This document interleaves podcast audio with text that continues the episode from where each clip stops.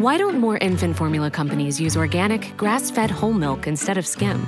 Why don't more infant formula companies use the latest breast milk science? Why don't more infant formula companies run their own clinical trials? Why don't more infant formula companies use more of the proteins found in breast milk? Why don't more infant formula companies have their own factories instead of outsourcing their manufacturing? We wondered the same thing. So we made ByHeart, an infant formula company on a mission to get a lot closer to the most super superfood on the planet breast milk. Our patented protein blend has more of the important and most abundant proteins actually found in breast milk.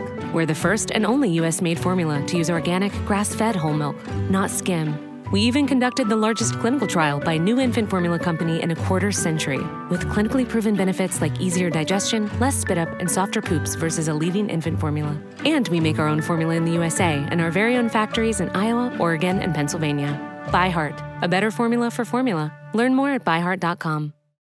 Dit programma wordt mede mogelijk gemaakt door Toto. Leuk dat je weer luistert naar een nieuwe Wielenflits podcast. We hebben er een lang gesprek op zitten, Jury. Waar hebben we het allemaal over gehad?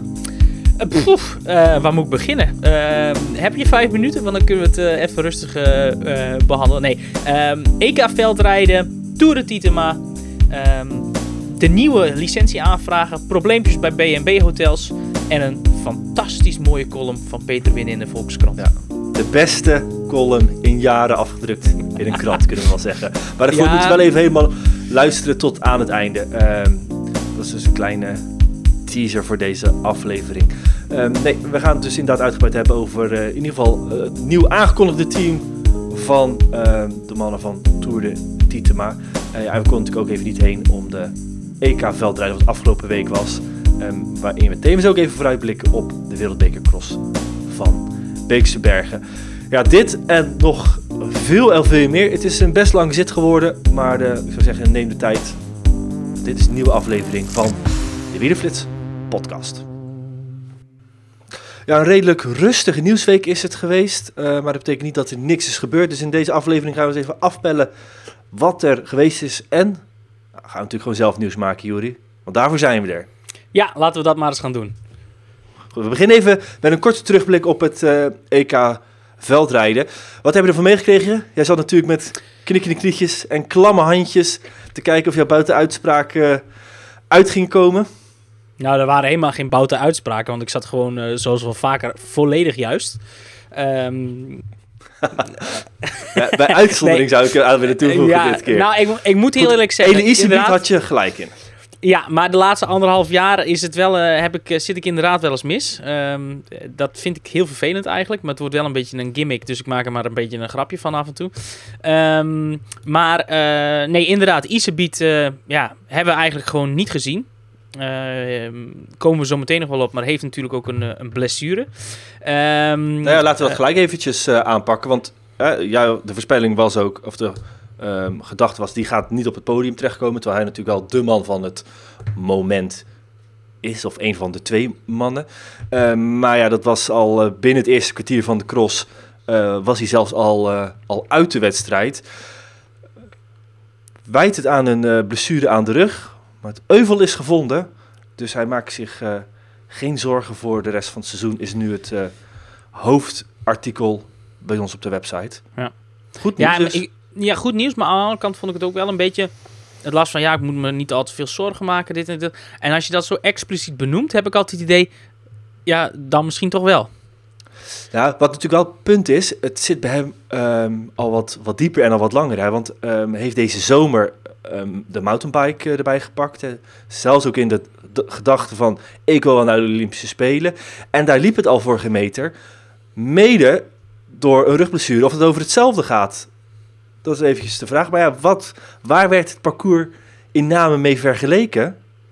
Ja, met een de mountainbike, mountainbike parcours. Ja, precies. Ja, dus je vraagt je bijna af van, is, het, uh, is dat toch dat klimmen, die korte snokken, uh, het euvel daar waar de hele hoop andere parcoursen natuurlijk snelle weide parcoursen zijn geweest. Ja, ja nee, dat, dat zou heel goed kunnen natuurlijk. Um, um, maar laten we vooral vooropstellen dat het, ja, wat ik vorige week ook al zei, het zich ook al een beetje aandienen. Of dat door die rug komt, weet ik niet. Maar ehm, we hebben het over uh, het, het akkefietje tussen Eli Isebiet en Laurens Zweek gehad. Als in uh, ja, een beetje het modder gooien wat ze, was het niet Ruddevoorde, uh, deden. Waar Isebiet won, maar Zweek zei, ja goed, zat de hele tijd in mijn wiel en et cetera. Nou, um, daarna ging het in, in onder meer Maasmechelen ook niet goed in dat weekend. Kon, uh, kon Isebiet ook niet mee. Nou, op de Koppenberg hetzelfde liedje.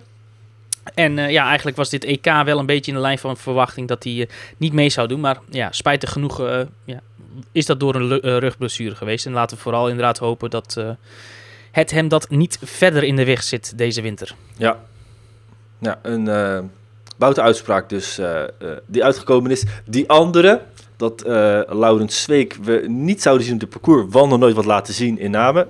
Ik ga erbij zeggen, leek mij ook wel in de lijn der verwachting wel goed. Ja, het, het was gewoon een loeizwaar parcours. Maar ja, we hebben, denk Laurens Zweek misschien nog nooit in deze vorm gezien. En, nou, dat bewees hij dan ook met een, met een knappe derde plek. waarbij jij natuurlijk daarop gaat aanvullen, wel op ruime achterstand.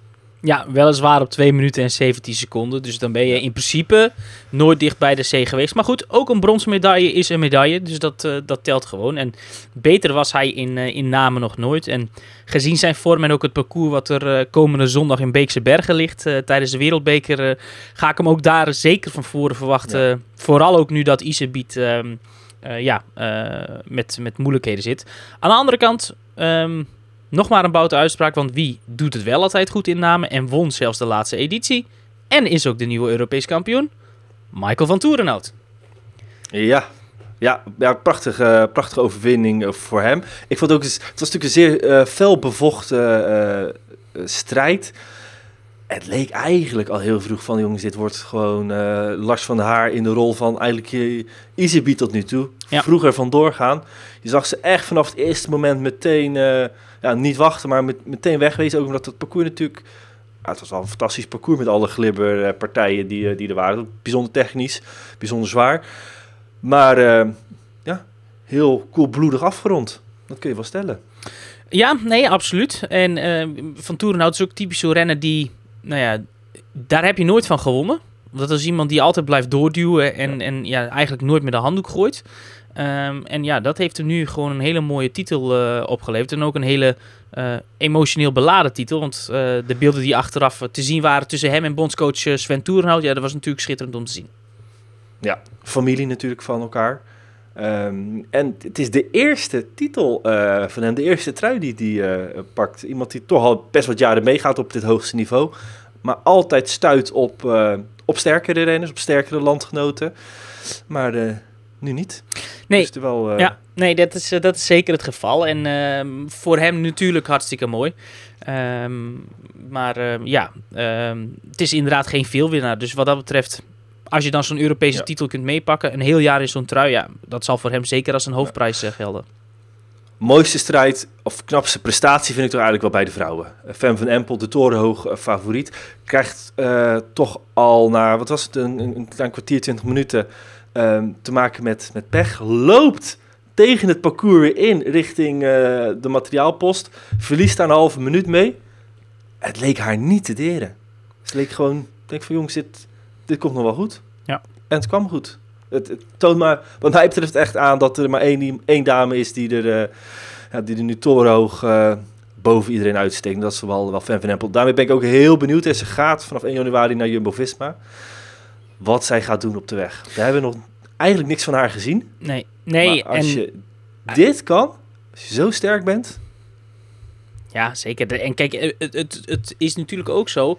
Um, ze is nu 20. Vier jaar geleden ja, fietste ze nog amper. Toen voetbalde ze nog bij, bij RKSV Nune. Uh, strikvraag en huiskamervraag tegelijkertijd voor de luisteraars. Welke andere profielrenner voetbalde ook bij die club? Weet jij het? Dat moet wel uh, Kruiswijk zijn. Exact. Ja, oké. Okay. Uh, ik had misschien nu niet. Ja, die komt uit Nune. Ja, ja. maar goed. Uh, leuk. Ook voor de jammer, luisteraars. Die weten het niet meteen. ja, ja, dat is echt jammer. Maar goed, geef niet. Ik denk dat er nog heel veel marge op haar zit. Vooral ook omdat ze eigenlijk volledig op de cross en ook een beetje op het mountainbike uh, gericht heeft de laatste jaren. Denk ik dat er nog heel veel marge zit. En ja, met alle kennis en kunde die er bij Jumbo-Visma is vermoed ik dat zij nog veel, veel beter gaat worden. Uh, en dat wordt wel uh, heel interessant om te zien.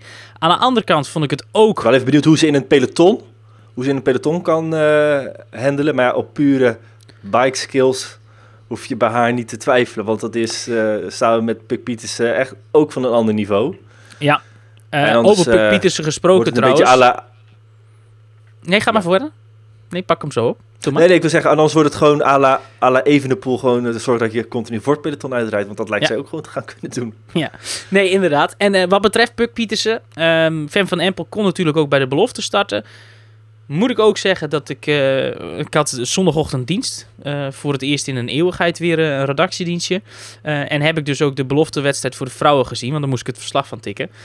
Um, heel indrukwekkende Puk Pieters, die eigenlijk al in de eerste ronde dacht, weet je, ik ga gewoon. En die reed ja, dat hele veld gewoon compleet naar de vaantjes. Um, wel uh, heel lastig uh, cross voor Shirin van Alroy, die daar toch niet helemaal tot wel recht kwam. En uh, ja, ook iemand voor moest laten gaan. Ik weet niet of je het weet, maar die hebben we vorige week ook besproken. En het was niet Marie Schreiber. Dat was de Française. Exact, Line Burquier. Dus dat had, uh, had Zeger uh, goed ontfutseld bij Van Androoy. Die uh, haar meerdere moest bekennen. Burkier is echt een, een, een klimmetje.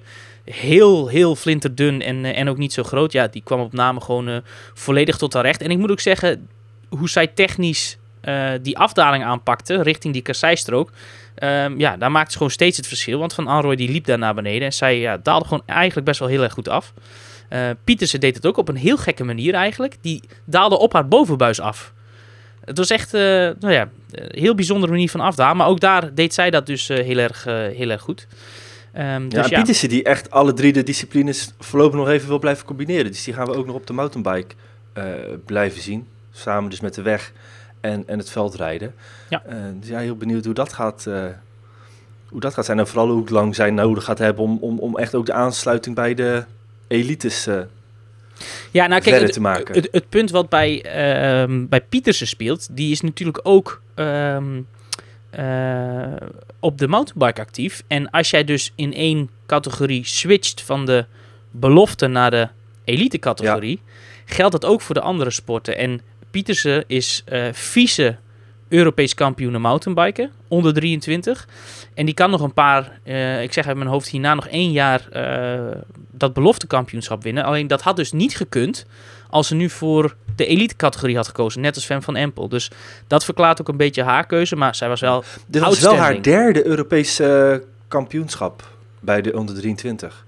Ja. Dus heeft ze dan nog, ja, zou ze nog één jaar hebben. Ja, klopt. En het is ook zo dat je als je uh, zwinters eh, hè, stel je bent nu junior op de weg uit het afgelopen seizoen, dan ben je nu al wel eerstejaars belofte tijdens de winter. Dus het is altijd eigenlijk een beetje, je bent eerder uh, belofte crosser dan dat je belofte wegrennen. Dat zit een beetje de kwinkslag. Um, nou, haar dus eerste op het, in haar eerste EK onder 23. Vorig jaar werd ze tweede achter van Android. En nu heeft ze de trui weer terug. En ik wil nog, ma nog maar eentje claimen dan. Dan zal ik dat er ook nog even in gooien. Weet je wie Europees kampioen bij de belofte is geworden bij de mannen? Nou, dat vond ik niet zo Was heel leuk. Was dat Thibaut Nijs toevallig? We, uh, doorgaan. nee, daar, uh, daar, zat je, daar zat je goed. We hadden bijna vergeten, Emiel Verstringen. Ja. Maar uh, ja, het was... Ja. dat was ook een duidelijk, duidelijk verhaal. Ja, zeker. En ook wel, moet ik heel eerlijk zeggen, uh, toch wel verrassend. Want inderdaad, dat we vorige week vooral over Thibaut Nijs en Pim Ronhaar hebben gesproken, was in de lijn der verwachting als in de wedstrijden die ervoor waren niet onlogisch. Want die deed het gewoon hartstikke goed. En Verstringen had het lastig. Maar ja, die vond hier in, in name ook gewoon een, een parcours op zijn maat. Um, dus ja, voor ja. Ronhaar was de wedstrijd net, net iets te lang. Reed een hele lange tijd uh, natuurlijk in de leiding. En daarna ja, was het kaarsje gedoofd. Uh, Nijs nog even fiets materiaalpech gehad, waardoor die uh, teruggeslagen werd. Ja, dat zijn natuurlijk ook de elementen, een beetje een dooddoener, maar zijn ook de elementen van de cross. Uh, ik, ja, het, was, het was een mooie WK, uh, ja. EK. voelde weer ver weg. Komende week um, vooral een nieuwe wereldbekerwedstrijd, de Beekse Bergen. Um, daar gaan wij in grote getalen aanwezig zijn. Namelijk het hele team van Wielenflits is opgetrommeld om hier naartoe te gaan. Maar het heeft vooral te maken met onze crewdag. Dus ben je daar, zeg eventjes uh, hallo tegen ons. Grote kans dat je een redacteur tegen het lijf gaat lopen. Um, en ze zijn eng hoor. Maar het is... In het wild daar tussen de leeuwen. Precies. Uh, maar het is vooral uh, niet komende week, maar de weken daarna. Want de komst van uh, Van de Poel en Van Aert zit er al aan te komen. Samen met die van Pitcock, die eigenlijk al bekend was. Maar nu kunnen we toch ook uh, dat in die volgende Nederlandse Wereldbeker in Hulst zij al terugkeren. En het is toch iets eerder dan de afgelopen jaren. Ja, maar het is ook niet onlogisch. Uh, want ja, goed, in het veldrijden hebben we natuurlijk ook startrijden. En zeker Van de Poel heeft wat dat betreft een probleempje. Want die heeft natuurlijk vorig jaar maar twee keer gecrossed. Is daardoor een hele hoop punten kwijtgeraakt. En ja, wil hij een beetje van voren starten op dat WK in Hogerheide, zijn Hogerheide. De uh, familiewortels van de familie van de Poel liggen in dat uh, Brabantse dorp. Um, dus Van der Poel zal al hoe dan ook wereldkampioen willen worden.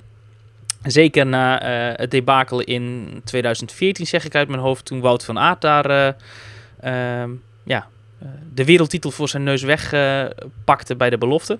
Um, dus ja, die zal daar goed willen zijn. Maar daarvoor moet hij wel de nodige punten pakken. En dat hij nu net juist in de Wereldbeker gaat starten al eind november. Um, eigenlijk toch wel een week of drie eerder dan ik verwacht had. Uh, is logisch, want in de Wereldbekers kun je gewoon heel veel meer punten pakken dan in de andere wedstrijden. Um, dus uh, ja, best logisch dat ze er zijn. En voor Van Aert en, uh, en, van de, en Pitcock geldt natuurlijk hetzelfde. Die zullen ook punten moeten gaan rapen om hun startrij op het WK straks te verzekeren. Ja, ben ik wel benieuwd of ze dan nu even houden bij die wereldbekers puur om punten te pakken. Of dat ze eigenlijk gewoon al naar de dubbele weekenden gaan. Uh, en dus ook uh, X2O's, super prestiges uh, gaan, gaan meedoen. Goed, van natuurlijk een hoop ook centen te verdienen. Is natuurlijk ook niet onbelangrijk voor hun. Daar ben ik eigenlijk wel benieuwd, want daar vallen veel minder punten te pakken. Maar ja, wel een hoop euro's nou, te raken. Ik ben dus ook vooral benieuwd of ze bijvoorbeeld naar die nieuwe cross in Benidorm en Dublin gaan, uh, zeg maar de eerste en tweede ja. week van december. Ja, uh, Benidorm kan natuurlijk gecombineerd worden met een trainingskamp al daar. Dublin is wel echt een uh, aparte trip daar naartoe. We zagen natuurlijk afgelopen jaar dat wel Wout van Aert naar Val di ging, toen het ook nieuw was. En dat was ook een flinke reis. De dag daarvoor reed hij nog, ik meen Essen. Ging toen hals over kop naar, uh, naar Italië toe om uh, de volgende dag daar zo acte de présence te geven. Nou, was een, voor hem een groot succes. Al had dat natuurlijk ook wel een beetje te maken met, met het doel waarvoor die wereldbeker er was. Eh, omdat Thomas Bach daar ja. natuurlijk ook zou zijn met het oog op de Olympische Spelen. Dus het was misschien ook wel als naamdrager van het veldrijden uh, dat hij daar moest zijn in Val, Val d'Isole. Want dat was natuurlijk een puur sneeuwparcours. Um, maar goed, je hebt wel gelijk. Ja, het was maar, wel een hele reis. Luister, en het was ook een, een uh, en dat weten we ook, ja, het is ook gewoon een, een, een lucratieve cross. Dat is uh, helemaal niks mis mee voor hem. Het was een, uh, goed dat hij er dit jaar gewoon opnieuw is, want ja, één keer in het jaar een gegarandeerde sneeuwcross is natuurlijk leuk. Al weet ik niet hoe het nu in valt, of daar al een, of het daar al wit Volgens mij zag ik onze fietstoerisme-redacteur Ties Wijntjes van de week tweeten dat de eerste sneeuw in de Alpen gevallen is. Uh, en dat het uh, fietsseizoen daardoor daar afgelopen is. En dan uh, ja, kunnen we dus ons op gaan maken op een nieuwe sneeuwcross in Val d'Isole. Yes, maar eerst eens wachten tot, met, tot Huls. Dat is over twee weken. Dan keren de grote drie weer terug in de cross. Gaan we door naar het volgende onderwerp. Want een van de nieuwtjes die wel wat aandacht heeft uh, gepakt uh, um, deze week... en waar de interesse in hoog is... is het verhaal van Tour de Titema. Ze hebben dan eindelijk hun uh, wielerteam aangekondigd. Dat gaat er komen. TDT Unibet gaat het heten. Um, ja, dat hebben ze natuurlijk weer op een, hun kenmerkende manier bekendgemaakt... door een nou, wel gelikt filmpje te tonen. goed overgepakt nou, er waren al wat nieuwtjes her en der uh, uitgelekt. Er zijn al wat namen van de selectie uh, bekend. Uh, gaan we allemaal eens eventjes doorlichten. Um, inmiddels weten we ook op welke fietsen ze gaan rijden. Dat worden fietsen van Cannondale. Ik heb de mannen afgelopen week kunnen spreken. Dat interview komt zondag online. Laten we eens even luisteren naar, ehm, de, naar eigenlijk het hele idee van de ploeg. Waarom nu een team? We gaan even luisteren naar Bas. Fragmentje duurt een minuutje. Ja, um, ik denk dat de eerste keer dat we het erover hadden is eigenlijk de eerste keer dat we met z'n drieën zijn gaan fietsen. Toen had ik het erover met Josse en toen dacht ik van oké, okay, vanuit videocontent gericht en vanuit echt een soort fanbase door middel van die video's, zou het best wel eens kunnen dat, dat je vanuit daar een ploeg kan beginnen in plaats van met een businessplan een ploeg beginnen. Dus toen is het eigenlijk een beetje dat ik het voor het eerst had. Toen heel veel weerstand gekregen in de beginfase van Jos en Devin. Heel veel zelfs. Omdat, uh, of nou heel veel, maar gewoon weerstand. Want inderdaad, wat ga je anders doen? Dus uh, inderdaad, goede vraag. Um, maar de laatste, uh, laatste maanden en misschien ook wel het laatste jaar eigenlijk, uh, denk wel langzaam gezien van oké, okay, er zit wel heel veel in. Natuurlijk, een wielerploeg is natuurlijk perfect vanuit media-oogpunt om verhalen te laten zien. En ook denk ik dat wij vanuit binnenuit dingen anders kunnen gaan doen. Uh, en ook een van de dingen, zeg maar, zoals je net zei, wat is de naam van de wielerploeg? Ik denk dat we daar al best wel qua identiteit komen, natuurlijk niet vanuit het niks. Dus er is al een groot fanbase of mensen die het verhaal volgen. Um, en voor ons is dit eigenlijk meer een volgende stap in wat wij gaan doen. Um, en daarin denk ik wel dat met hoe we dat gaan doen en met de mensen die aan boord zijn, zowel creatief als op sportief gebied, dat we dat zeker kunnen. Valt je op aan dit fragment, Jury? Uh, ik ben gewoon heel benieuwd naar of het ook daadwerkelijk anders gaat zijn. Um, want er zijn initiatieven genoeg geweest die geprobeerd hebben om te breken met het traditionele wielenmodel.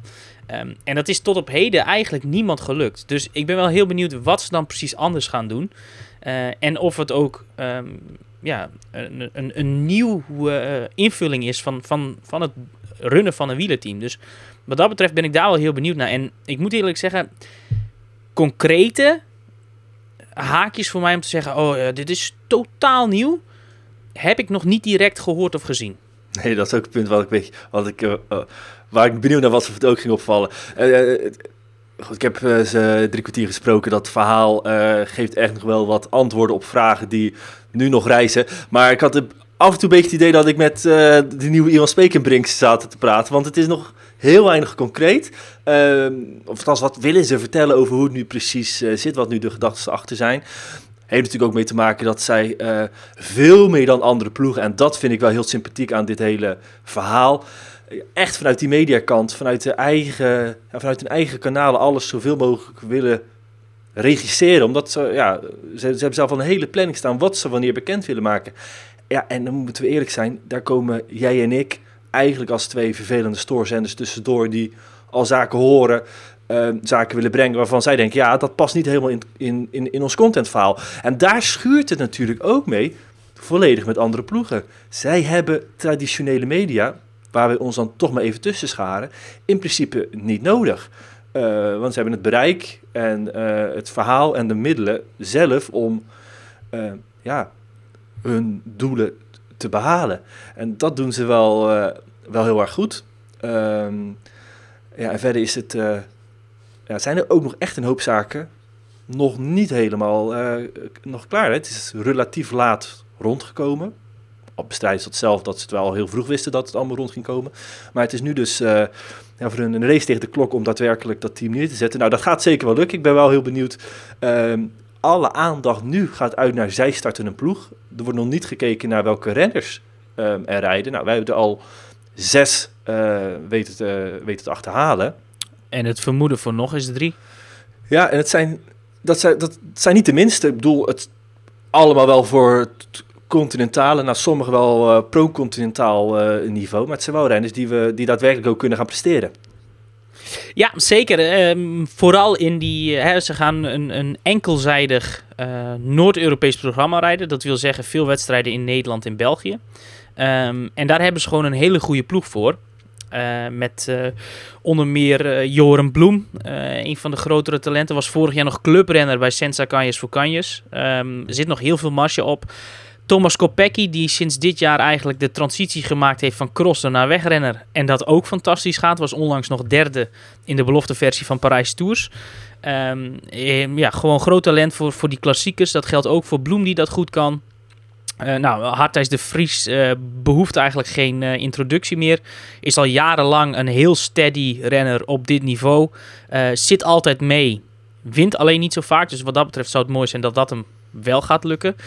Uh, Martijn Budding is natuurlijk ook geen onbekende naam. Prof geweest bij Roompot. Um, goede cross geweest. Opgeleid bij Rabobank.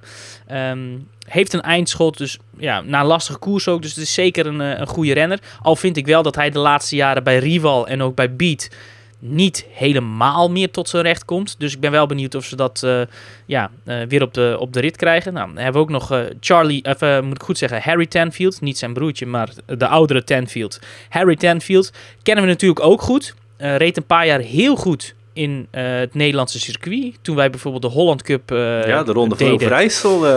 Klopt. Die daar twee dat... van Sunweb met onder andere... Eekhoff. En Eekhoff versloeg, ja. Was het niet Nieuwhuis? Dacht wel, ja. dus uh, ja, toen was hij inderdaad uh, was hij mee. En uh, ook in die andere koers reed hij goed. Gewoon echt een, een, een, ja, gewoon echt een barodeur. Een, een, een kletsharde fietser is dat eigenlijk. maar goed, op World Tour niveau kwam hij tekort. Reed natuurlijk een seizoen bij Katusha. En heeft dit jaar daarna, omdat Katusha ophield te bestaan, nog een jaartje uit mijn hoofd zeg bij Age de Zer en bij Quebec gereden. Maar nooit echt de resultaten kunnen overleggen die, uh, die op dit niveau, uh, wat hij welkom bij, uh, bij die Canyon ploeg uit, uit Groot-Brittannië. maar misschien is dit wel zijn niveau en is het daarom juist een perfecte renner voor, um, voor Team de Titema Unibet. Ja. Um, en ja, goed, ook de andere renners waar we nog wel wat linkjes bij hebben. Ja, het zijn ook allemaal interessante renners van wie ik wel nieuwsgierig ja. ben of ja, of dat, of dat wat wordt. En of ze dus inderdaad wat ze willen meteen kunnen doorstoten vanwege goede resultaten naar een pro-team licentie. Nou ja, ik, ik vind vooral een, al een behoorlijke prestatie. Ik bedoel, we kennen heel veel, wij horen ook heel veel mooie verhalen van mensen die een nieuw team willen starten, die uh, al met media kits uh, komen, uh, laten zien hoe het shirtje eruit moet zien en daarmee proberen al renners te overtuigen. Nou, en het is ook al heel veel voorgekomen dat renners daar daadwerkelijk ook vervallen. En uiteindelijk blijkt het een luchtkasteel te zijn.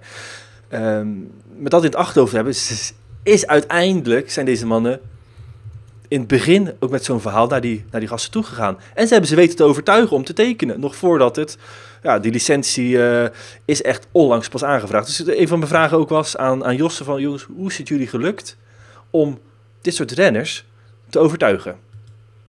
Ja, het is niet een grap of zo die we, dat we een ploeg starten. Uh, dat is ook al vanaf het begin ons doel geweest. Van, we gaan het alleen doen als we ook daadwerkelijk denken dat we iets kunnen bewerkstelligen. Uh, anders heeft het geen zin. Uh, dat hebben we bij mij in de sportklasse al meegemaakt. Dus het is, uh, zeg maar, de, tijd zonder overwinning is wel een keer klaar. Ehm, maar zonder gekheid, zeg maar, ja, dat is, dat is natuurlijk gewoon een Bas en Hugo hun verdienste. En ik denk ook wel dat de mensen die die weten hoe we erin staan en wat onze doelen zijn. Uh, dat die ook weten dat, we, dat dit gewoon is om, om echt een serieuze ploeg neer te zetten met een serieuze omkadering en, en dan ook daadwerkelijk een goede omkadering. Uh, waarin dingen niet, niet per se hoeven te gaan zoals dat uh, doorgaans gebruikelijk is in het wielrennen. Ja, ook uh, andere aanwinst die ze natuurlijk hebben is Hugo Haak, die uiteindelijk naar voren toch wordt geschoven als de, als de technisch manager. Want ze gaan zichzelf veel minder dan ik had ingeschat zich bezighouden met de ploeg. Ze hebben gewoon Tour de Titema het mediateam. En daar plakken ze de wielenploeg aan vast.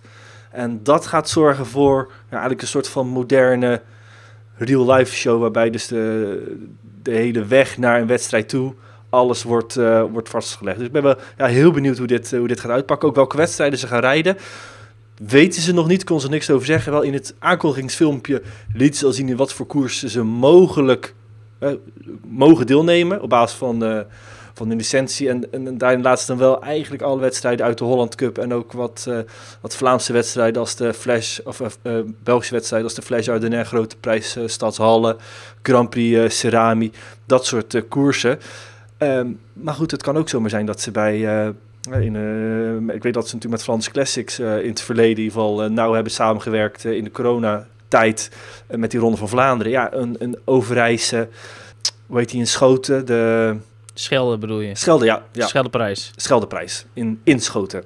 Die, ja. ja. dat soort wedstrijden zouden ze mogen deelnemen. Ja, Le zie ik ook wel een mooie toevoeging op hun programma. Ja. Um, ik ben ook dus... heel benieuwd hoe ze bij Beat naar dit programma kijken. Want eigenlijk alles wat zij willen bewerkstelligen, um, ja, is dit eigenlijk de geslaagde versie van Beat aan het worden. Klopt, uit het niks eigenlijk. Dus Ja. ja, ja Beat doet het op hun eigen manier en op hun eigen eh, tempo. Ehm, maar goed, voor de mannen van Tietema was het, eh, ja, waren die stappen schijnbaar eh, wat makkelijker te overbruggen dan dat het voor Beat is. Ja, die, zij, zij hebben momentum, zij hebben nu het bereik, zij hebben nu Ja. de middelen. Maar ja, Ja. ze strikken hier wel Unibet als eh, ja, een van de grotere bettingpartijen. Afscheid dus van, van Bingo nu naar Unibet. Was dus een terugkeer ook voor Unibet in het wielrennen. Is, ik ken natuurlijk helemaal nog van, eh, wat is dat, rond 2007 van eh, Mr. Bookmaker. Ja. Ik zag gisteren nog een, 2006 foto, was het volgens mij. nog een foto 2005 en van Oeran, 2006. die daar nog voor gereden heeft. Nou, die zijn nog een tijdje... Laurens ten Dam, good old Niels Scheuneman, Ja, ja en Frank van der Broeke. Staat daar ook nog eh, bij. Ja, we zijn nog eventjes een eh, blauwe maandag sponsor geweest van eh, de KNWU. Nog in de tijd dat ze geen licentie hadden. Toen de hele bettingmarkt nog dicht zat. Nee, dat, oh, wat was dat eigenlijk een fiasco trouwens? Ik zit er nu over na te denken, maar die werden groots gepresenteerd en toen mocht dat helemaal niet. Nee, nou ja, en dat heeft ze zelfs. toen de bettingmarkt open ging vorig jaar. Hebben ze dus een hele tijd op, de, op het strafbankje moeten zitten. Omdat ze toen, en ook vanwege andere zaken, toch de, de Nederlandse regels overtraden. Maar Nu nou ben dus ik wel terug. benieuwd, Ja. Maxime. Want ik zag het ook veel terugkomen in de reacties bij ons op het nieuwsbericht. Is het goed dat deze ploeg met een heel veel jonge fans, die eh, alle lof voor, eh, voor Tour de Tietema, want die hebben een heel nieuw publiek kennis laten maken met de wielersport. Maar laten ze niet datzelfde publiek nu ook kennis maken met een gokbedrijf? Nou ja, dat eh, gebeurt natuurlijk wel. Ehm, ik heb het eh, ook eh, al, al, een paar keer met ze over gehad. Wat zij wel en, wat, wat, een, wat een antwoord daarop is. eh, als je kijkt naar wat de demografie is van alle, alle, alle kijkers, dan is dat onze doelgroep. Dan is dat 35, 25, 34 en ouder. En dat, Josse zei het laatst nog, ik geloof dat de groep 65 plus is, is groter dan het aantal minderjarigen wat, eh, wat kijkt. In ieder geval, er zijn meer oudere kijkers nog dan, dan jonge kijkers. Het is alleen wel wat wij zien aan de buitenkant. Kijk, eh, dat je niet zo snel een handtekening gaat vragen. Ja, wie doen dat wel? De kindjes. Zodat het, hè, het verhaal van hun, in de beeldvorming het vooral lijkt dat die jongeren eh, een hele grote groep is. Maar dat als je kijkt naar die 200.000, 300.000 kijkers die zij pakken, het overgrote merendeel, ja, laten we zeggen, in de, in de doelgroep vallen waar wij ook onder vallen. Vind ik te makkelijk. Want eh, wij hebben ook zelf allebei kinderen. En als mijn dochtertje eh, een filmpje wil zien op YouTube van, ik noem maar wat, Mickey Mouse Clubhouse. Ja, dan gaat het op mijn account. En hoeveel andere kinderen zouden ook niet op het YouTube-account Ja. van papa of mama kijken? Zeker, maar Juri, dan moet je bij het uploaden, dat vind ik, heb jij ook wel eens gezien, geef je aan of het voor kinderen is of niet voor kinderen bestemd is.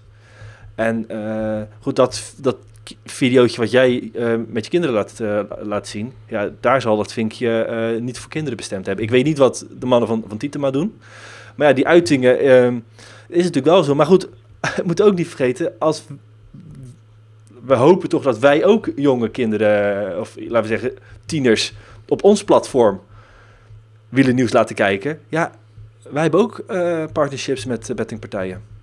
Ja, nee, zeker. Dat, eh, dat begrijp ik ook. Alleen, ik vind in die zin nog wel... En als zij met cijfers kunnen onderbouwen dat die groep echt helemaal niet zo groot is... wat ik betwijfel... ehm, ja, dan staan ze volledig in hun recht. Maar ja, ik zie bij ons zelf toch niet zo heel veel... of niet zo'n heel groot publiek, laat ik zo zeggen... die wij eh, met die ehm, eh, samenwerking die wij hebben... dermate kunnen beïnvloeden. Terwijl ik toch hun bereik wat dat betreft... een stuk groter inschat. Ja, dus het eh, wel zo dat eh, wij inderdaad, ehm, sorry luisteraars, maar een hoop oudere mensen bereiken. Ehm, ik weet eigenlijk niet wat de demografie is van deze podcast, dus als je luistert, laat eens even weten hoe oud je bent. Maar uit onze Google Analytics is inderdaad een wat, wat oudere groep, eh, relatief weinig jongeren. Nou, dat zal niet verbazen, want de wielersport vergrijst. En dan pakken wij nog redelijk, veel jonge bezoekers vergeleken met, met de echte traditionele media.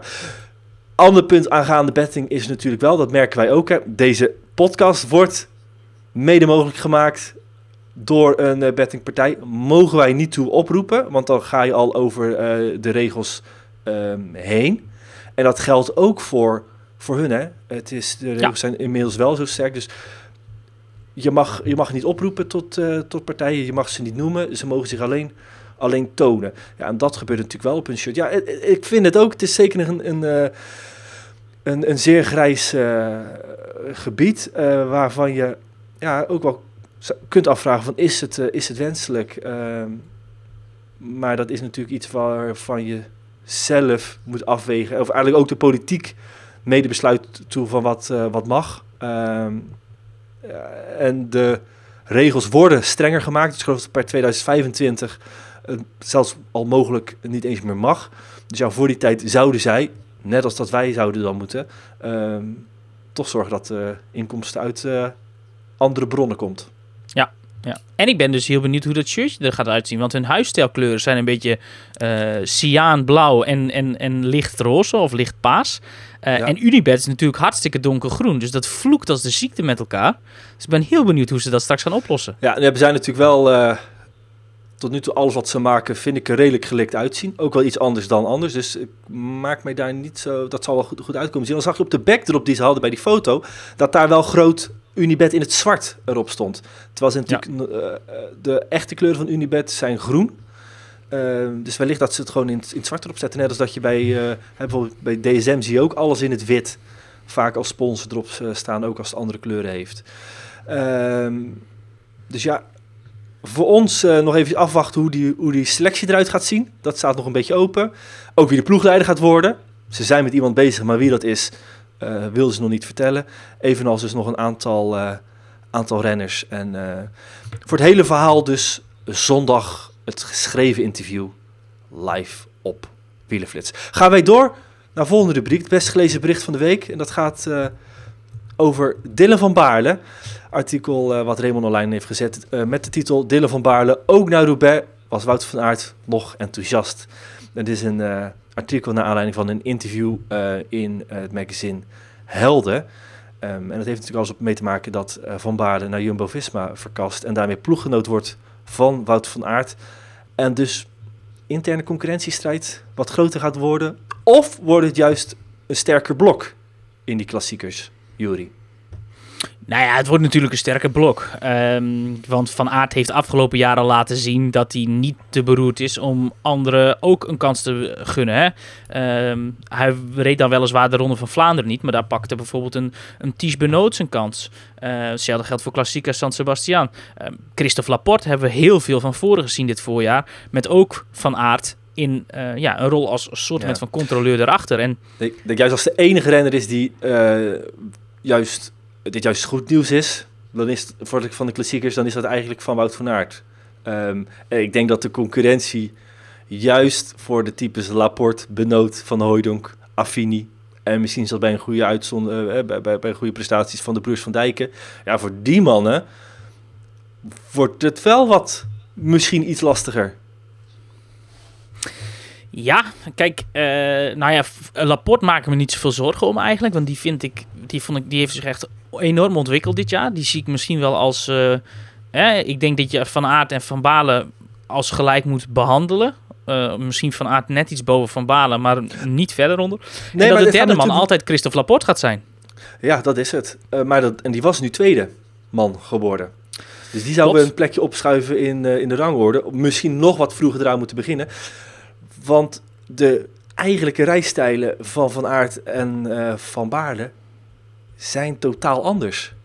Van Baarle Klopt. niet de sprinter, Wout van Aert wel. Wout van Aert kan en moet eigenlijk wachten. En Van Baarle moet vroeg weggaan. Ja, ja en Sluit voor de, elkaar aan. Klopt, en voor de concurrentie is dat natuurlijk verschrikkelijk. Want A, als je Van Balen gaat halen, weet je ook dat je kansen erop zitten. Maar B, als je hem niet gaat halen, kan hij het zelf prima halen. En Wout van Aert gaat dan geen trap te veel doen, terwijl je die in een achtervolging heel goed kan gebruiken. Want dat is natuurlijk wel een grote motor. Ja. Dus ja, ik denk vooral dat het voor Dylan van Balen juist een ideale stap is. Want wat je zegt, die zal altijd moeten aanvallen. Iedereen weet het, maar Van Balen heeft wel zoveel klassen. Die moet ze eerst maar eens terug gaan pakken. Ja. Dus dat Tenzij is, uh, natuurlijk ja. straks uh, drie keer op rij gaat lukken dat hij uh, op uh, tussen de 100 en de 50 kilometer wegspringt en uh, altijd met een ander elitegroepje uh, de finish gaat halen en, en, en, Wout van Aert in een achtervolgende groep blijft steken. Dan zie ik nog wel eens dat dat soort sentiment misschien wel kunnen gaan leveren. Dat Van Aert denkt, ja, dit is toch niet zo goed om maar altijd te wachten. Want ik, ik, ik, wacht steeds te lang en te laat.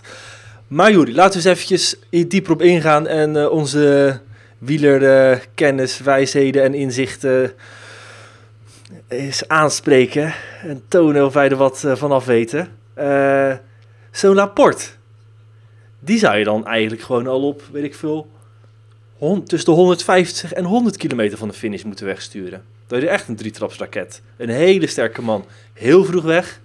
Daarachter Van Baarle. En dan in de diepe finale heb je nog Van Aert. Of laat je nee.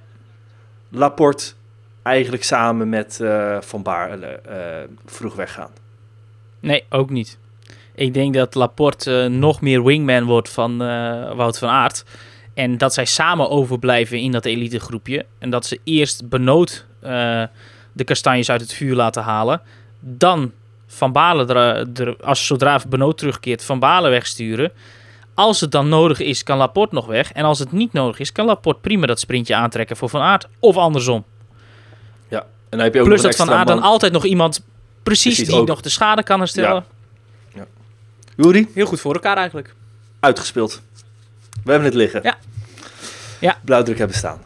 Uh, wat, wat ik altijd leuk vind in dit soort interviews, hè, dit is dan uh, terugblik waarin hij uh, dus eigenlijk terugblikt op hoe de hele seizoen geweest is en ook hoe zo'n deal tot stand is gekomen. En erin zegt hij dat hij na Roubaix al een keertje met Jumbo-Visma zat.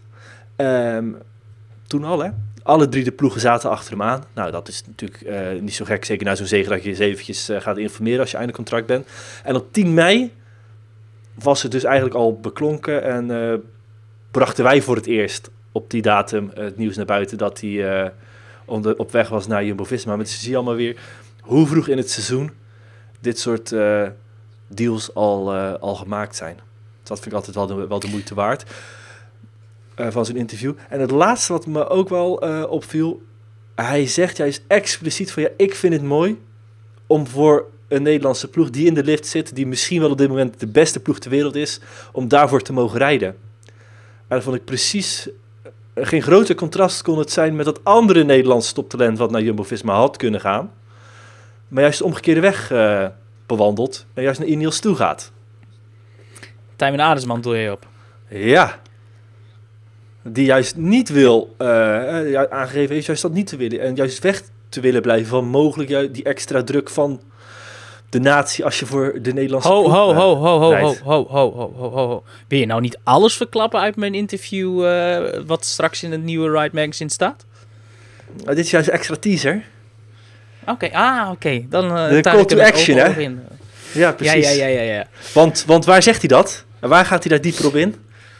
Eh, dat zegt hij in het winternummer van Ride Magazine. Uh, we hebben allebei nu net de nacht overgeslagen op het moment uh, van deze podcast. Want de Ride deadline was, we zijn nu 7 minuten over 11 op donderdagmorgen 10 november.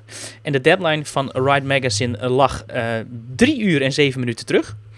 Uh, dus wij, uh, wij zitten lekker uh, heel de nacht aan de energiedrank. Ik zal geen Red Bull zeggen, want dan komt de monster freak in jou omhoog en die zegt: hey, dat kan helemaal niet. Ja. Kijk, daar staat hij ook nog. Het is ongelooflijk. Wel zero sugar. Ja, maar dus nee, daar zijn we druk mee in de weer geweest. En die gaat uitkomen, zeg ik, op 25 november. Want dan hebben wij een launch party in Apeldoorn.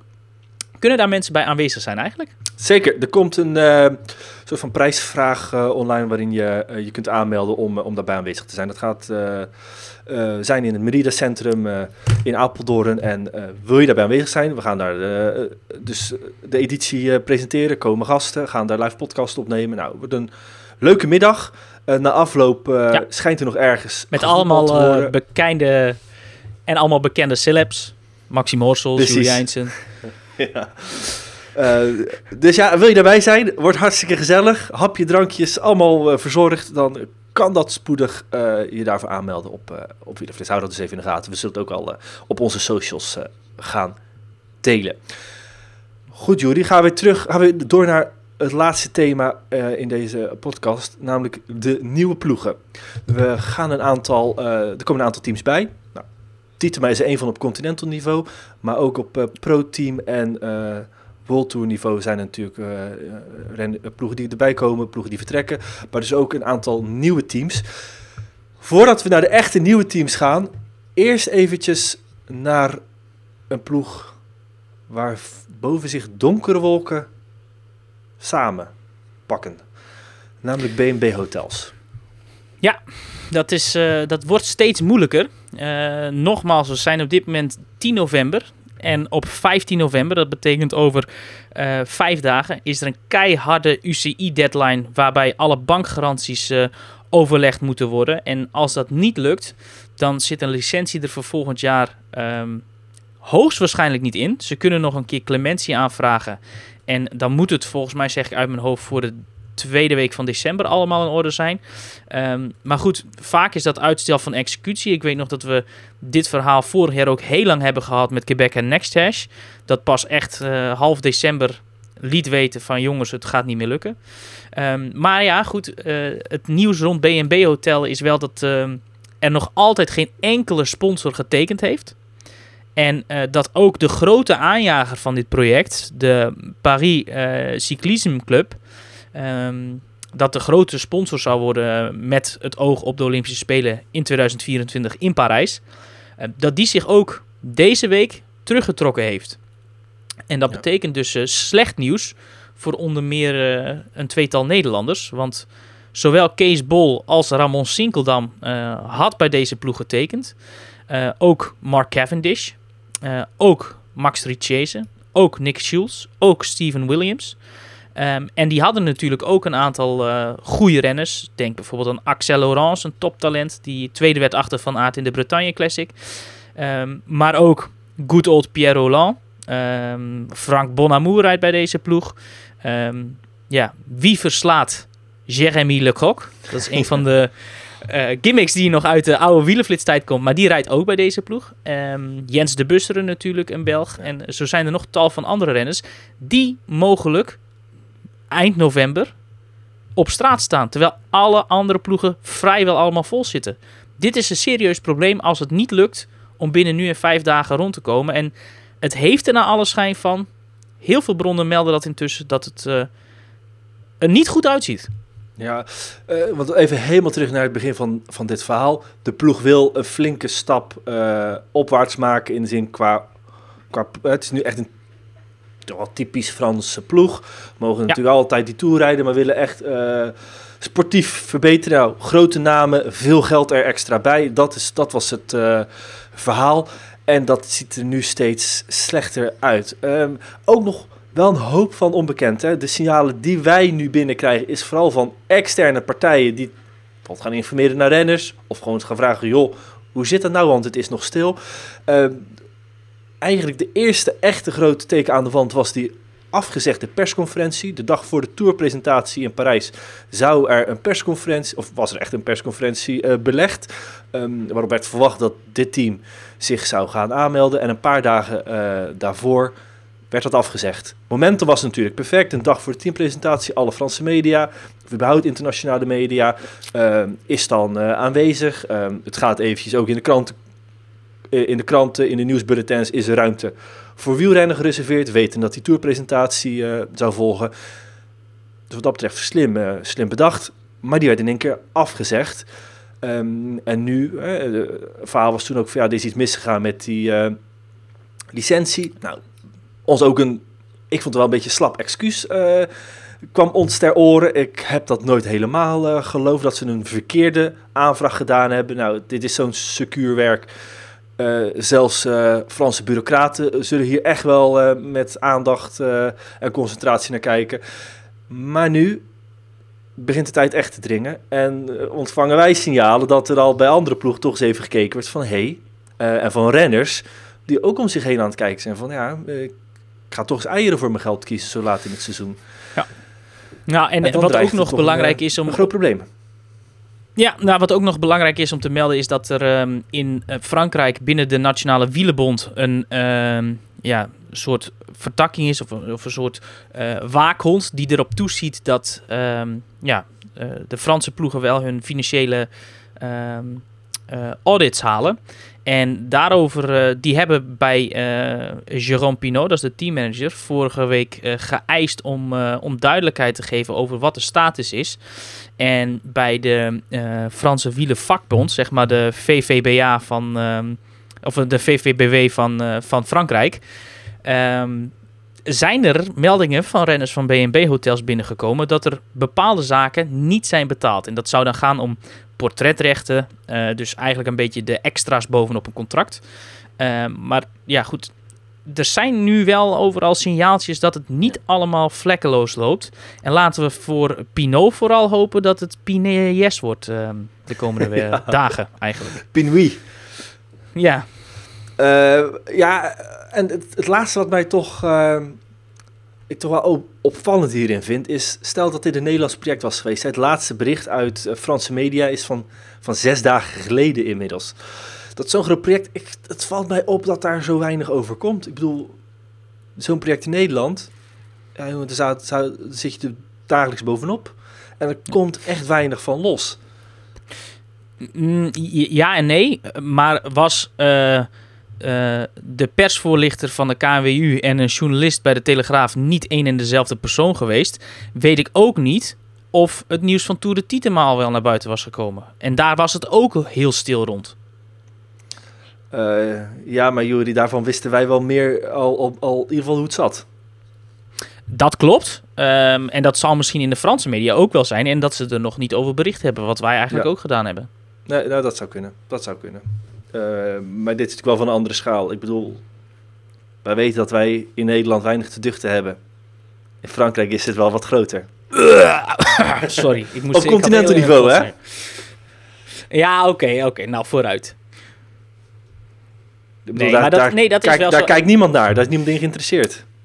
Nee, nee, terwijl het toch de bakermat is voor uh, de toekomst. Precies. En daar zit uh, ook superveel nieuws. Um, maar uh, ja, goed, het is, nee, het is inderdaad opvallend. Vooral ook omdat ja, een namens Mark Cavendish daar uh, serieus aan gelinkt is. Ja. Um, en ja, die wil gewoon heel graag nog dat record in die Tour de France uh, afpakken van Merckx. En ja, leek daarmee met deze Franse ploeg een, een, ja, toch wel een, een quasi-zekerheid te hebben dat hij in ieder geval die kans nog krijgt. Ja. Um, dus ja, ik, ik ben wel heel benieuwd ja. hoe dit zich de Le Parisien opperde, opperde een fusie te maken met Israël Premier Tech. Maar dat werd daarna door, uh, door, door de perschef van Pinot wel weer meteen uh, afgeschoten. We hebben natuurlijk wel in... Uh, Cavendish was mee met de ASO naar die criteriums, die Tour de France criteriums in het Midden-Oosten. Of sorry, in Zuidoost-Azië. En daar zag je hem wel, zag je hem wel met alle Israël-types staan. Maar ja, het kan natuurlijk en, ook een, een eenzijdige overstap zijn naar, naar Israël. Want die willen ja, op, op, deze manier, op, voorlopig gaan die niet in aanmerking komen voor een Tour uh, wildcard. En dan heb je natuurlijk met Cavendish kan je nog een extra, misschien alle wanhoop een ticket voor de Tour uh, binnenkopen. Lijkt me ver gezocht, maar je weet het niet. Nee, maar goed, ze hebben natuurlijk ook nog altijd Froome in de ploeg... die uh, wel vier keer ja. de Tour gewonnen heeft... en uh, ervan overtuigd is dat hij nog altijd het inzicht ja. heeft... om die vijfde keer te winnen. Dus ja, het zou en wel het, een ploeg kunnen zijn. Ja, en, en, en Cavendish past natuurlijk helemaal in de...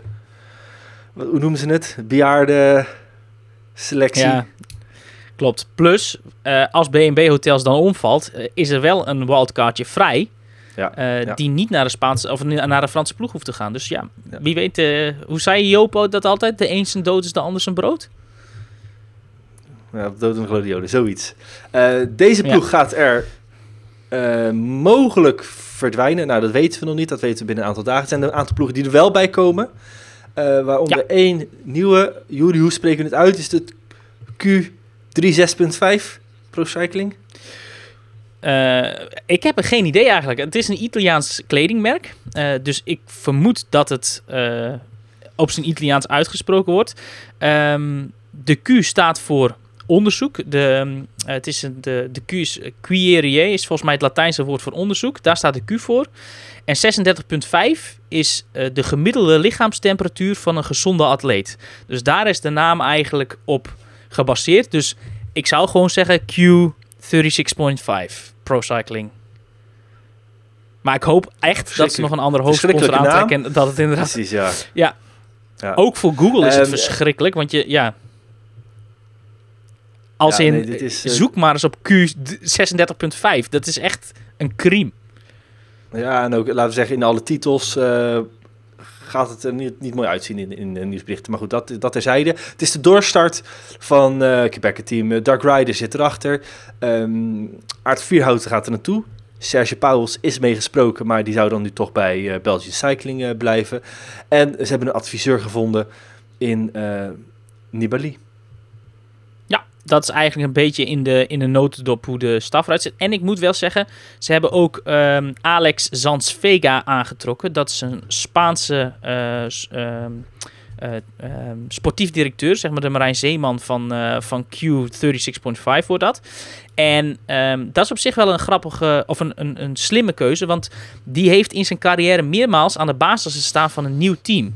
Eh, onder meer bij Cervelo. eh, heeft ook bij Quebec, toen dat eh, een beetje opgestart is, daarbij gezeten. Heeft bij Rally en Human Powered eh, Health nu ook een relatief nieuwe ploeg gezeten. Dus ehm, wat dat betreft is dat wel een slimme keuze om die eh, te hebben aangesteld. En ja, eh, qua renners is het niet een onaardige ploeg.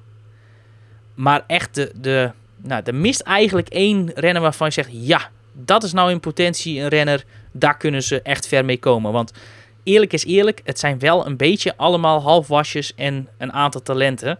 Ehm, maar daarbij moet het er altijd nog wel eerst, eh, eerst uitkomen.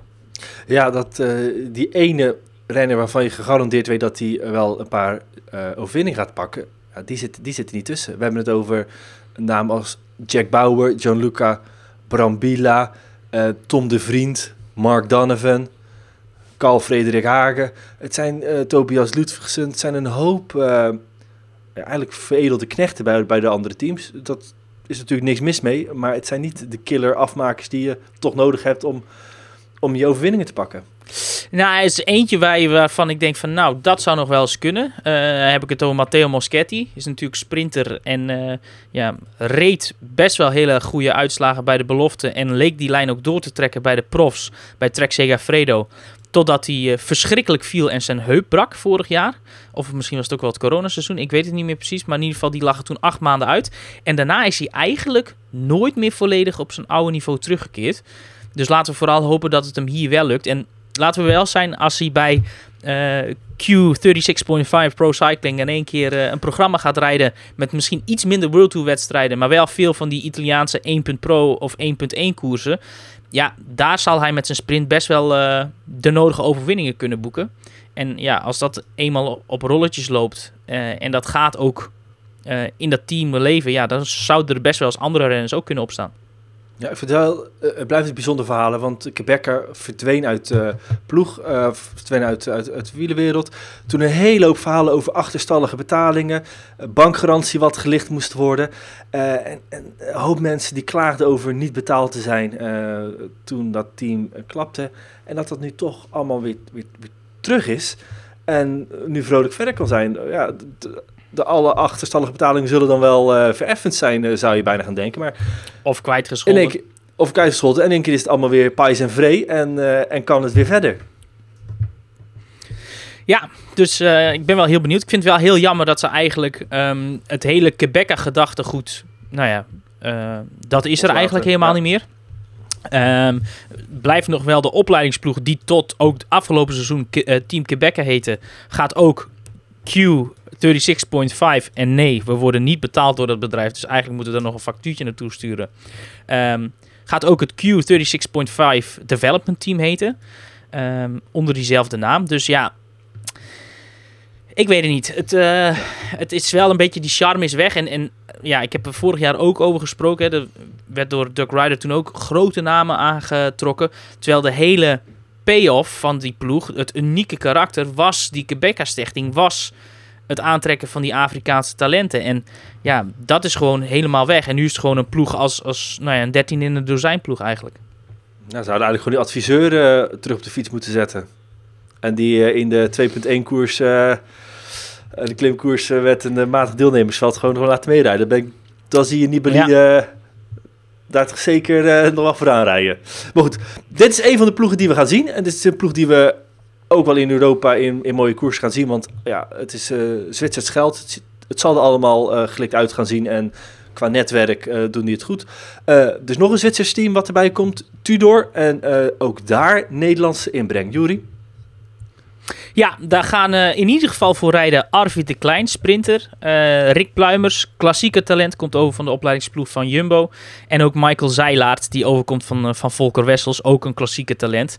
Um, dus ja, een stevige Nederlandse inbreng. En opvallend, want... Um, het is natuurlijk een Zwitserse ploeg. En Fabian Cancellara is de grote man achter die ploeg. Is eigenaar van die ploeg geworden in april. Um, grote sponsor ook. Tudor is, uh, ja, dat zijn gewoon kwaliteits- uh, en luxueuze horloges. Er zit veel geld achter die ploeg.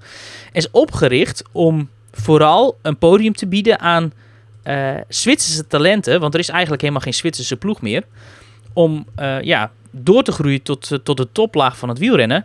Maar als ik alle renners erbij pak uh, en de geruchten die er rondzingen, hè, ik weet dan zes namen zeker. Uh, gaat dan Arvid de Klein, uh, Rick Pluimers, Michael Zeilaerts, de Luxemburgers Arthur Kloekers en Luc Wirtgen en de Duitser Hannes Wilks, die overkomt van, van Team DSM Development. Um, maar ook onder de geruchten heel weinig Zwitsers. Dan heb ik het over Jacob en Lucas Eriksson, twee Zweden. Mika Heming, een jonge Duitser. Matthew Holmes zingt er ook rond, de Brit van Lotto Soudal. Alexander Kamp, dat is de Deense kampioen op de weg, die, van, die nu nog bij Trek Segafredo onder contract staat. Um, Peter Kelemen, dat is een Tsjech, rijdt wel op dit moment voor, um, uh, voor, voor diezelfde ploeg.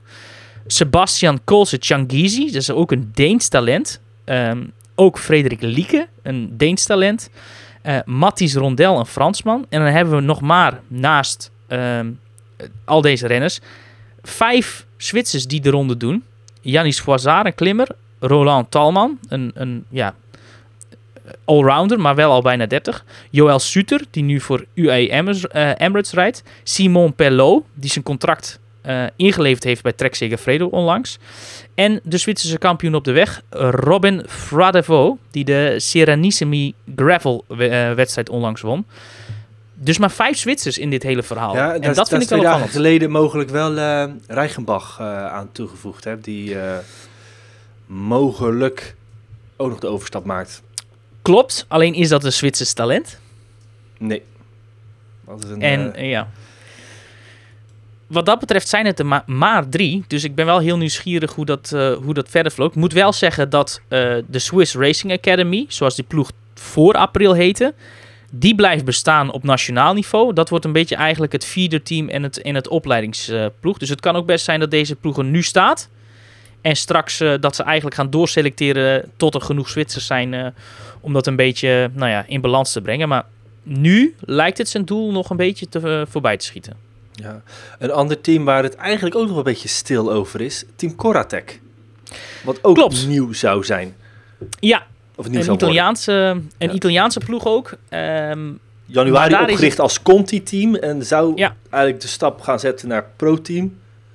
Is dat best stil? Wat, is best stil, maar aan de andere kant hebben ze het wel al zelf aangekondigd. Uh, terwijl Tudor dat eigenlijk nog helemaal niet heeft gedaan. Als in dat ze een pro-team um, worden volgend jaar. Datzelfde geldt voor Q36.5. Die hebben dat pas vorige week gedaan.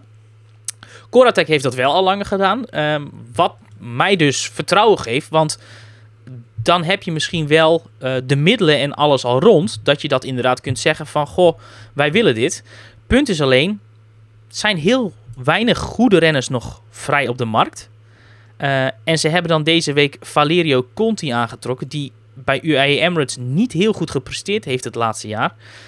Dus ja, daar ga je de oorlog niet mee winnen. Um, Astana. Dus ik ben wel... Uh, oh ja, ja, inderdaad. Hij reed inderdaad afgelopen seizoen bij Astana. Um, komt natuurlijk ook uit die Nibali-kliek. Maar goed, ook niet dus gek, dat, niet betreft... gek dat je die uh, gemist hebt hoor. Want dat geldt natuurlijk voor uh, half Astana. Daarvoor reed hij wel bij nee. UAE. Ja, klopt. Dus het is wel een beetje. Dat is, nou ja, daar hangen nog heel veel vraagtekens om. Want hoe gaat die selectie eruit zien? Plus ook dat hun beste renner van afgelopen seizoen, de Servische sprinter uh, Dusan Rajovic, volgend jaar in de World Tour rijdt bij Bahrein Victorious. Dus veel onduidelijk nog. Al gaat er misschien nog wel wat te shoppen zijn in Frankrijk. Je weet het maar nooit. Zo is dat. Hey, uh, en één team waar we ook kort over kunnen zijn, maar die wel nieuw gaat zijn in de Pro, uh, Pro Tour. Uh, Bolton Equities Black Spoke. Dan gaan we helemaal naar Nieuw-Zeeland. Maar ook een ploeg die we vooral daar zullen blijven zien. Weet je, nou, beetje denken aan het best wel... Nieuw-Zeelandse roompot.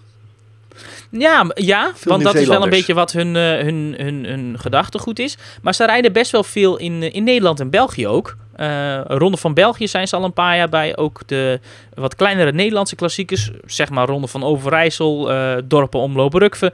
Die doen ze al een paar jaar. En uh, het is ook niet raar, want de um, generatie die er nu is, zeg maar in de categorie 20 tot 23 jaar in Nieuw-Zeeland, is extreem getalenteerd. Dus er is wel voeding als die jongens straks allemaal hebben. Denk bijvoorbeeld aan een Corbin Strong, Finn Fisher Black. Uh, Lawrence Peaty, die komend seizoen prof wordt bij um, uh, Groupama FDC. Daar zit een hele talentvolle generatie. En het kan best wel eens zo zijn dat er uh, ja, ook andere jongens in die generatie zijn uh, die nog iets langer nodig hebben. Dan denk ik bijvoorbeeld aan een Andrew Bitwell, goede klimmer. Um, die misschien juist die ploeg nodig hebben om ja, die stap naar de Europa makkelijker te maken. en ja, als je op pro-team niveau kunt rijden, is het toch weer een stapje hoger. Kun je sneller laten zien. Dus ik ben wel heel benieuwd hoe die ploeg er gaat uitzien. En die hebben al heel vroeg deze stap aangekondigd. Wat dus ook voor mij het vertrouwen geeft dat het daar wel goed zit. Ik zit even naar de selectie te kijken. Ik ken er geen één. Nou jawel, James Fouché is een heel uh, jarenlang echt uh, klassieke talent geweest. Reed ook bij Action uh, voorheen. Luke Mudgway, rasaanvaller die we heel vaak zien in, in koersen in Nederland en België.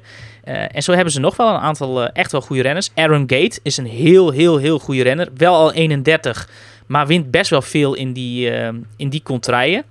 Um, ook wel in Europa. En daar ging zelfs vorig jaar, was hij heel dicht bij een overeenkomst met Ineos Grenadiers. Dus dat is geen koekenbakker. Ook bij die ploeg rijdt volgens mij Michael Vink. Die onlangs via het platform Swoosh, een e-racing platform, een contract verdiende bij... Um, UAE Emirates. Dus het zijn geen koekenbakkers. Ja. ja. En nee, ik heb niet de pagina van die ploeg open op Pro Cycling Stats zoals jij dat nu wel hebt, Maxim Precies, ja.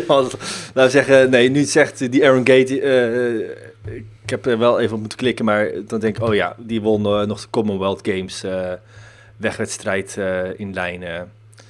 solo deed hij dat, als ik mij niet vergis. Ja. Um, Helemaal de afsluiting hebben we nog het, uh, die geen hebben gekregen. Gazprom Rusvelo verdwijnt.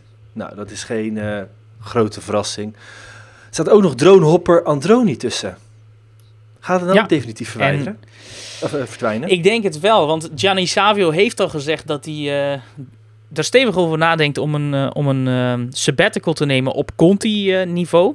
Um, dus, uh, en van daaruit een doorstart te maken. En dat komt vooral omdat uh, die Spaanse sponsor uh, Dronehopper, een start-up was dat.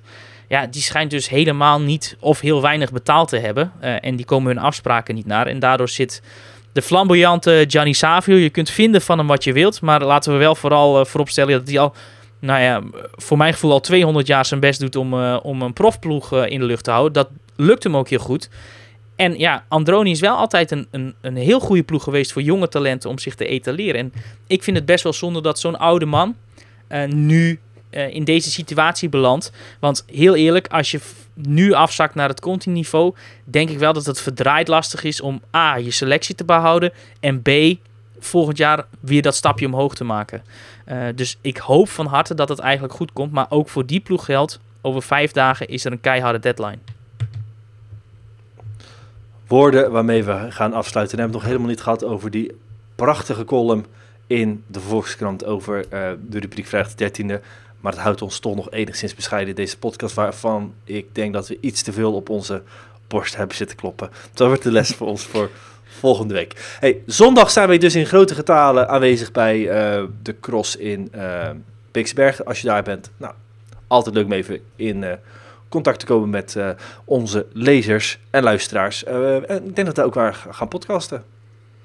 Eh, ja, nou, laten we het doen. Dan weet ik in ieder geval dat ik mijn podcaster in de tas moet steken. Goed dat je dat zegt, want anders had ik dat namelijk niet nee, gedaan. ik heb mijn, we hebben ons mooie mobiele podcast set.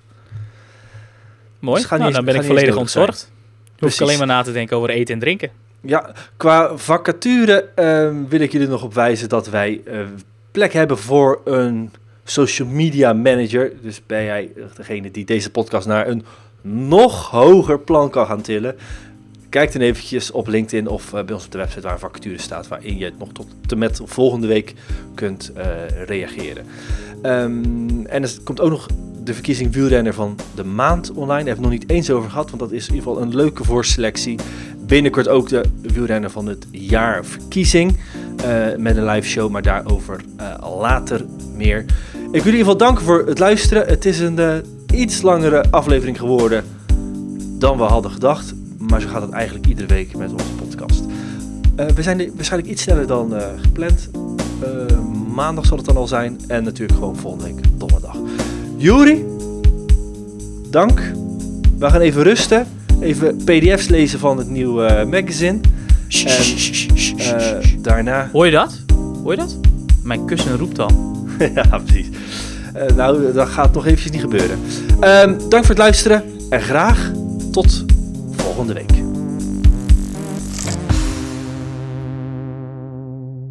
Dit programma werd mede mogelijk gemaakt door Toto.